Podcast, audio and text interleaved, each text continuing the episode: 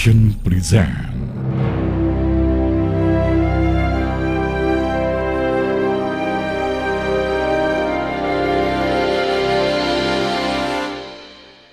Assalamualaikum warahmatullahi wabarakatuh. Halo adik-adik, apa kabarnya hari ini? Semoga adik-adik selalu dalam keadaan sehat walafiat serta selalu dalam lindungan Allah ya. Amin Hari ini kita akan belajar lagi tiga huruf hijayah selanjutnya Jadi disimak baik-baik ya adik-adik agar hafal dan makin lancar membacanya Oh ya, Kak Yaya ingin mengingatkan kembali bahwa huruf hijayah itu terdiri dari 28 huruf. Dan tentunya nanti akan kita pelajari satu persatu bersama-sama ya. Kalau begitu yuk kita mulai saja ya adik-adik. Tapi sebelumnya kita berdoa dulu ya. A'udzu billahi minasyaitonirrajim. Bismillahirrahmanirrahim. Robbi zidni ilma warzukni fahma waj'alani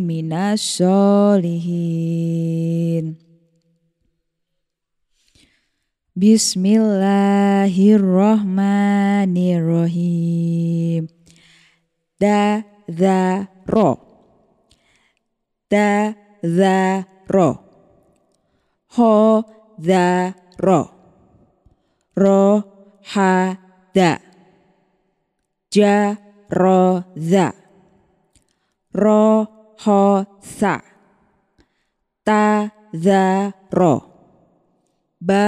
rohada jaroza rohosa tazaro baroda horoja. Hazaro barota. Hohoza ha jaro sa ja ha ho za za ro Sadaqallahul adim Nah gimana adik-adik sudah bisa belum? Jangan lupa ya harus terus berlatih agar lebih lancar lagi pelafalannya Insya Allah besok kita akan melanjutkan belajar mengaji lagi ya adik-adik dan sekarang waktunya Kayaya akan bercerita tentang kelahiran Nabi Musa alaihi salam. Seperti apa kisahnya? Yuk, sekarang dengerin Kayaya cerita ya. Jadi selamat mendengarkan. Saat Musa masih dalam kandungan ibundanya yang bernama Yukabat, di Mesir sedang terjadi suatu peristiwa yang besar – yang tentunya menggemparkan Mesir. Rakyat hidup dalam ketakutan, terutama para ibu yang sedang mengandung. Rupanya, ternyata Raja Firaun memerintahkan tentaranya untuk mengambil paksa semua bayi laki-laki yang lahir pada saat itu. Ambil setiap bayi laki-laki yang lahir di tahun ini.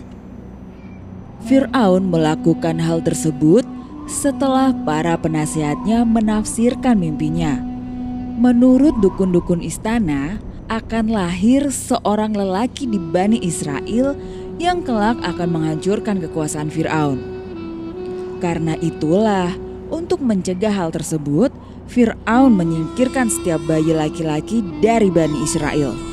Hal tersebut membuat Yukabat merasa takut karena sebentar lagi bayi yang dikandungnya akan lahir.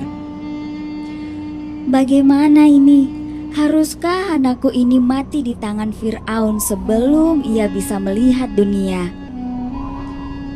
Suami Yukabat mencoba menenangkannya agar tenang dan tidak terlalu gelisah ataupun khawatir. Akan tetapi Yukabat masih saja murung. Ia tak sanggup membayangkan apa yang akan terjadi nantinya dengan bayinya. Ya Allah, lindungilah kami sekeluarga dan juga bayi ini ya Allah. Waktu kelahiran itu pun tiba. Ternyata benar, bayi yang ia lahirkan berjenis kelamin laki-laki. Yukabat pun merasa sangat senang. Akan tetapi pada saat yang bersamaan ia juga takut dan khawatir dengan nasib bayinya. Dalam perasaan bimbang itu, Allah memberikan petunjuk kepada Yukabat untuk menghanyutkan bayinya ke sungai Nil. Kemudian Yukabat menceritakan rencana tersebut kepada Imran. Apakah kamu yakin dengan rencanamu itu istriku? Ibunda Musa meyakinkan suaminya yang kemudian akhirnya mereka membawa bayinya ke tepian sungai Nil sebelum pasukan Firaun mengetahuinya. Dengan mengendap-endap, Yukabat dan Imran berjalan menuju tepian sungai Nil. Mereka meletakkan Musa di dalam sebuah kotak kayu yang dibuat senyaman mungkin agar Musa tidak menangis. Karena takut apabila Musa menangis, hal itu akan membahayakannya. Setelah sampai di tepian sungai Nil, Yukabat terlihat begitu berat hati ketika hendak menghanyutkan Musa ke sungai Nil. Sungai yang dipenuhi kuda Nil dan buaya-buaya yang besar dan juga ganas. Ibunda Musa sempat merasa cemas. Bagaimana jika buaya dan kuda Nil memangsa Musa? Akan tetapi suaminya memintanya untuk bergegas sebelum para pasukan kerajaan melihat mereka. Ibunda Musa berusaha untuk melawan kekhawatirannya. Dengan hati yang berat dan berderai air mata, ia menghanyutkan Musa yang masih bayi itu ke sungai Nil. Dalam sekejap, kotak kayu yang berisi bayi Musa itu terlihat mengayun-ngayun dibawa oleh aliran sungai Nil yang deras.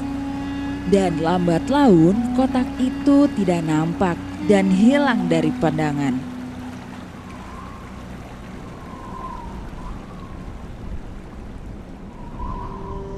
Mari kita pulang istriku. Akankah anak kita akan baik-baik saja suamiku? Berdoalah kepada Allah agar anak kita diberi perlindungan. Yukabat masih tidak percaya bahwa ia baru saja menghanyutkan anak kandungnya sendiri ke sungai. Ia telah membiarkan Musa yang masih bayi berjuang sendiri melawan ganasnya alam. Dalam setiap doanya, Yukabat seakan selalu diberikan ketenangan oleh Allah bahwa Musa akan baik-baik saja dan suatu ketika mereka akan bertemu kembali. Pada suatu hari, permaisuri Firaun, yaitu Siti Aisyah, sedang berada di tepian Sungai Nil. Ketika sedang asyik mandi menikmati kesegaran Sungai Nil, Tiba-tiba seorang dayang berteriak setelah melihat sebuah kotak tersangkut di sela-sela pohon. Kemudian Siti Aisyah meminta dayangnya untuk mengambil kotak tersebut. Dayang bergegas mengambil kotak kayu itu.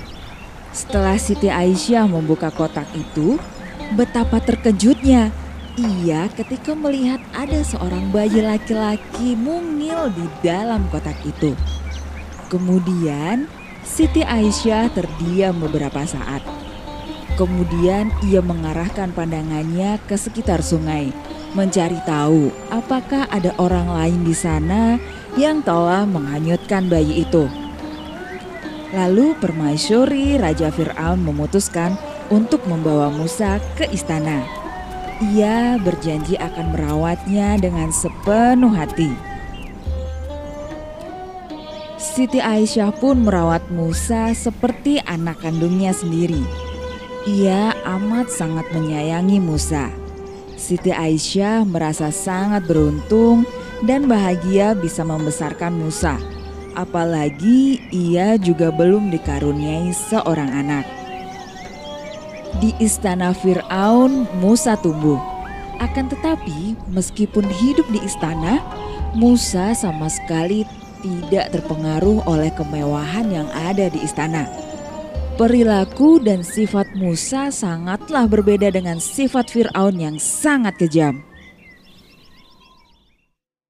Nah, adik-adik, itu tadi adalah kisah kelahiran Nabi Musa alaihissalam. Allah telah menjaga Musa dan membuat Musa memiliki sifat yang mulia. Itu karena Musa ditakdirkan menjadi seorang nabi dan dengan sifat terpujinya ia akan berdakwah kepada Firaun. Yang bisa kita petik hikmah dari cerita kelahiran Nabi Musa adalah tentang kesabaran ibunya, yaitu Yokabat dan ayahnya, Imran di mana mereka sangat tabah ketika melepaskan Musa demi kebaikan anaknya, demi keselamatan anaknya agar dijauhkan dari ancaman Raja Firaun. Nah, adik-adik ingin tahu bagaimana cerita Nabi Musa alaihissalam berdakwah kepada Raja Firaun yang sangat kejam itu? Terus nantikan di podcast cerita Nabi dan Rasul ya. Kak Yaya akan menceritakan bagaimana perjuangan Nabi Musa alaihissalam melawan Raja Fir'aun. Kalau begitu, Kak Yaya pamit undur diri ya. Insya Allah kita akan bertemu kembali. Dadah! Wassalamualaikum warahmatullahi wabarakatuh.